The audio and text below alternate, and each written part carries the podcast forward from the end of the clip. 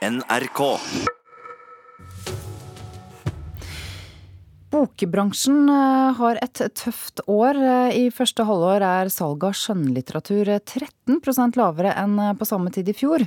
Og forleggerne mener dette er, eh, gir grunn til bekymring. Når sist kjøpte du ei bok? Jeg husker ikke. Det er litt lenge siden. Jeg leser andre bøker. Det er mange år siden. Svært mange år siden. Jeg kjøpte en bok sist i forrige uke, faktisk. Ja, Det begynner å bli en stund siden. Jeg låner på Deichman eh, e-bøker, og så kjøper jeg på Kindle når jeg må det. På gata i Oslo er det tydelig at det er stor forskjell på hvor ofte folk kjøper bøker. Ferske undersøkelser viser at nordmenn fortsatt bruker mye tid på å lese. Men når man ser på boksalget, så har 2018 så langt vært et svært dårlig år. Nye tall fra Forleggerforeningen viser en nedgang i omsetningen av skjønnlitteratur på 13% i årets første halvår sammenlignet med i fjor. Og i historisk sammenheng må du veldig langt tilbake i tid for å finne et like dårlig første halvår. Toppsjef i forlaget Cappelen Dam, Tom Harald Jensen, sa nylig til bok 365.no at han frykter at bransjen står foran en lengre nedgangsperiode.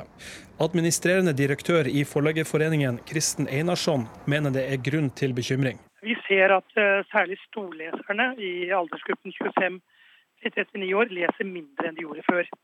Fortsatt er det slik at Norge er helt i verdenstoppen når det gjelder antall personer som leser, men altså storleserne leser mindre. Flere mener at noe av nedgangen i salget er Jo Nesbø sin skyld.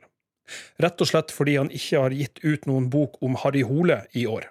Det kan være nok til å, å bidra ganske mye til av nedgangen du ser. Altså primært tror jeg det er tittelavhengig. Bokforhandlerne merker selvsagt også at forlagene gjør det dårligere. Direktør Trine Stensen i Bokhandlerforeningen sier at de i første halvår har sett en nedgang i salget av skjønnlitteratur på 10% All eh, nedgang, uansett om det er en eh, bestselger som var i fjor og ikke i år osv., eh, det merkes jo, og bokhandelen er jo sårbar for det. Hun mener det er viktig å jobbe hardt for bokas videre status. Alle eh, må jobbe beinhardt for å holde boka aktuell.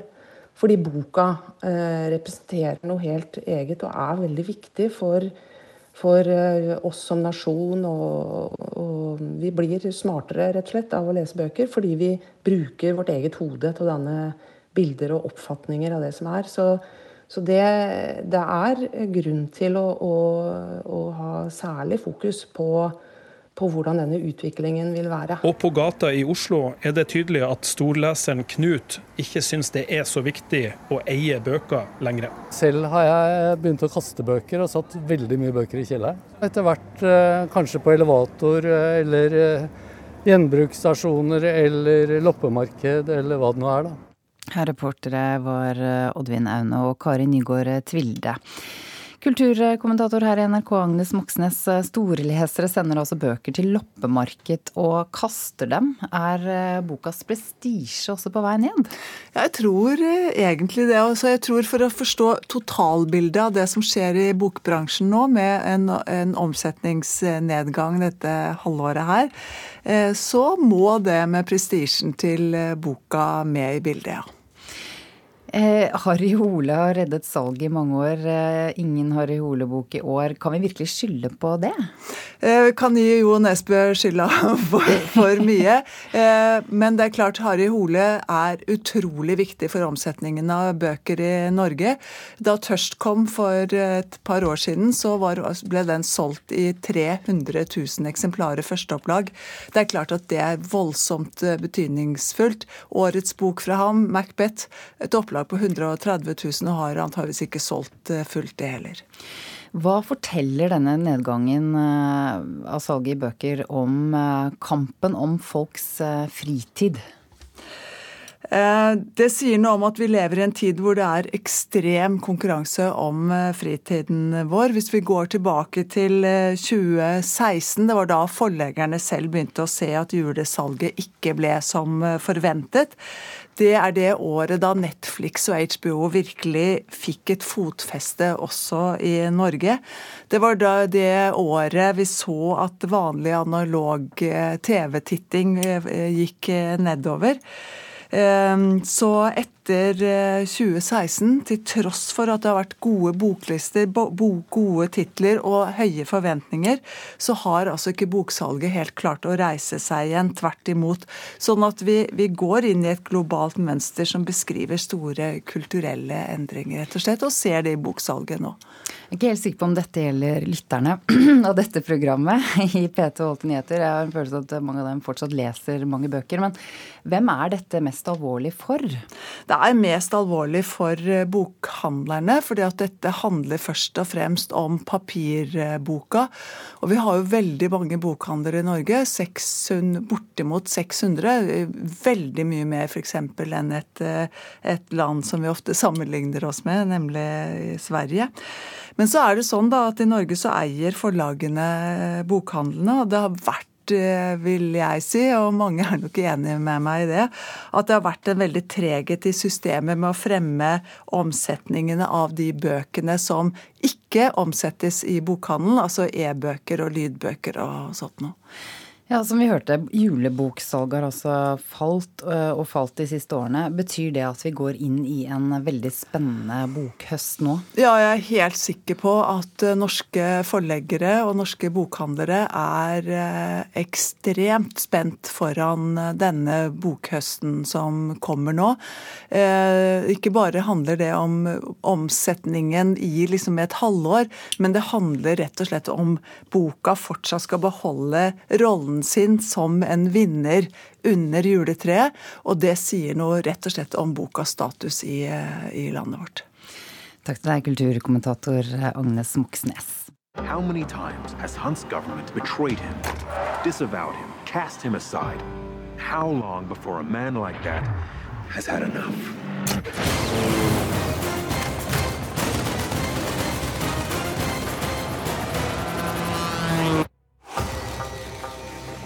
Vi har snakket om det før mange ganger, men nå skjer det faktisk. Tom Cruise er tilbake som Ethan Hunt i filmen Mission Impossible Fallout. Denne uken er det norgespremiere. Først med en spektakulær spesialvisning på Preikestolen på onsdag, som jo er et av stedene der filmen er spilt inn. Men i USA og rundt 40 andre land var det premiere nå i helgen. Og dette lukter eh, suksess, reporter eh, Thomas Alvarstein Ove. Det gjør det, uten tvil. Hvis vi holder oss til USA, som, eh, som da gir oss sammenlignbare tall, så er dette den aller beste premierehelgen for en Mission Impossible-film noen gang. Og dette er den sjette filmen i eh, serien. Med 61,5 millioner dollar i solgte billetter, så er dette også den nest beste premierehelgen for Tom Cruise som hovedrolleinnehaver noensinne. Bare War of the Worlds har hatt eh, en bedre start i løpet av eh, karrieren hans så langt.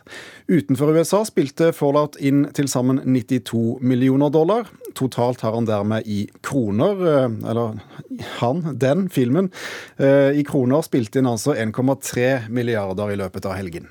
Hvorfor eh, denne suksessen? Er det Tom Cruise som altså, kler han preikestolen så godt? Er det, er det, det som gjør det? La oss håpe det.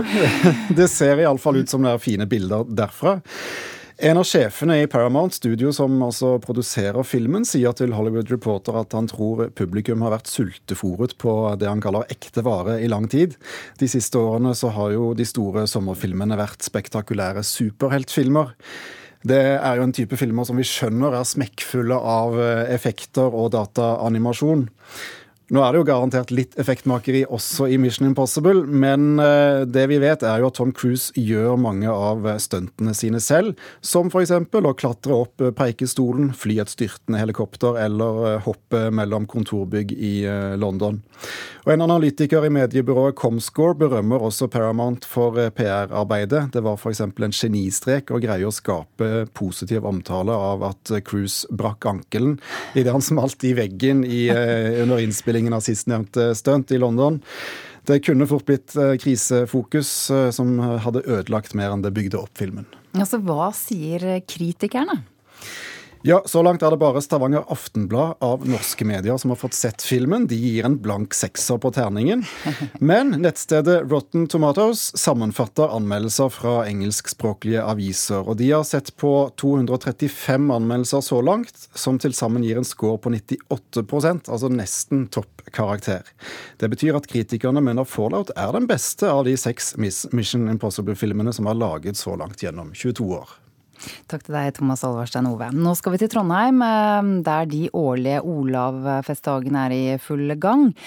I går kveld var det urfremføring av Ståle Kleibergs bestillingsverk, bestillingsverk 'Trur du på lyng' til tekster av Helge Torven.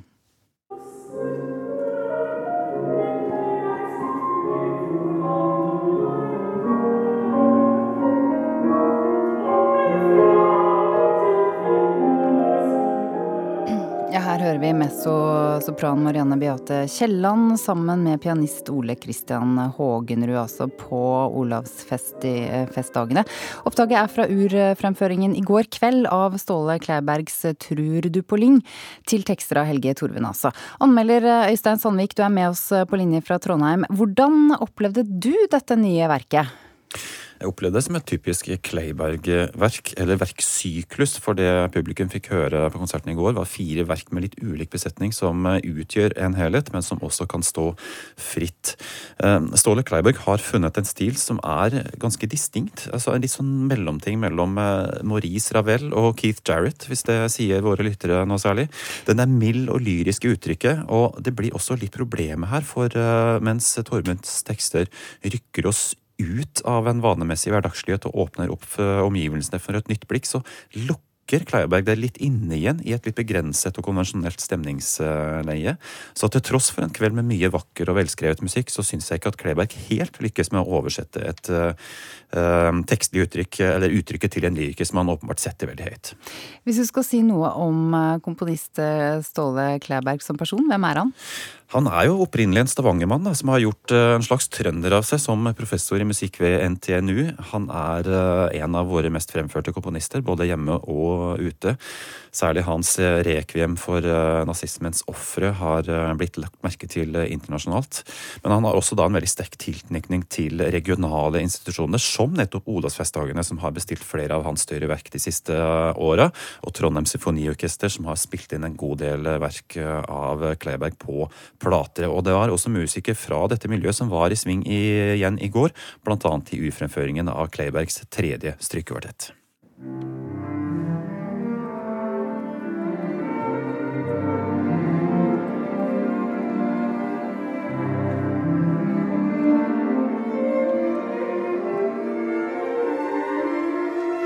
Her hørte vi et lite utdrag av Ståle Klæbergs strykekvartett nummer tre, som også ble urfremført i går kveld under Olavsfestdagene. Hva syns du om den, Øystein Sandvik? Det var kanskje noe av det jeg likte best av de fire verkene som utgjorde denne konserten. Og særlig den første satsen som vi hørte litt fra her, hadde en tydelig sånn tematisk, motivisk idé som dro fokuset litt vekk fra det mer sånn klanglige og harmoniske aspektet som nesten alltid står i sentrum i Kleibergs musikk. Og den ble også sprekt fremført her av en strykekvartett med fiolinist Atle Sponberg i spissen. Imidlertid ble forbindelsen til Torvunds tekster litt mer vilkårlig her. Hver sats hadde en forutgående restasjon av skuespilleren skuespiller Andrea Brein Hovik, men dette fremsto i grunnen mest som et rent instrumentalverk. Så hva blir konklusjonen? Nei, altså Helhetlig sett så savner jeg litt av den rikdommen og kreativiteten som man finner i tekstene til Helge Torvund. Altså Det er en tendens til at alt blir redusert til noe av det samme stemningsleiet når Kleiberg kommer med sitt musikalske materiale, hvor alle virkemidler graviterer litt mot midten. altså Man får litt en opplevelse av en kunstner som stort sett alltid tegner midt på arket med et begrenset antall farger, men det var tendenser å spore til å sprenge ut av det, særlig i det siste verket på konserten for mezzosopran og klaver, hvor vi fikk oppleve Kleiberg oppsøke litt med drastiske musikalske virkemidler, og det hadde Torvunds tekster tålt mer av. Mm. Da hører vi et lite utdrag til fra Trur du på Lyng. Takk skal du ha, Øystein Sandvik.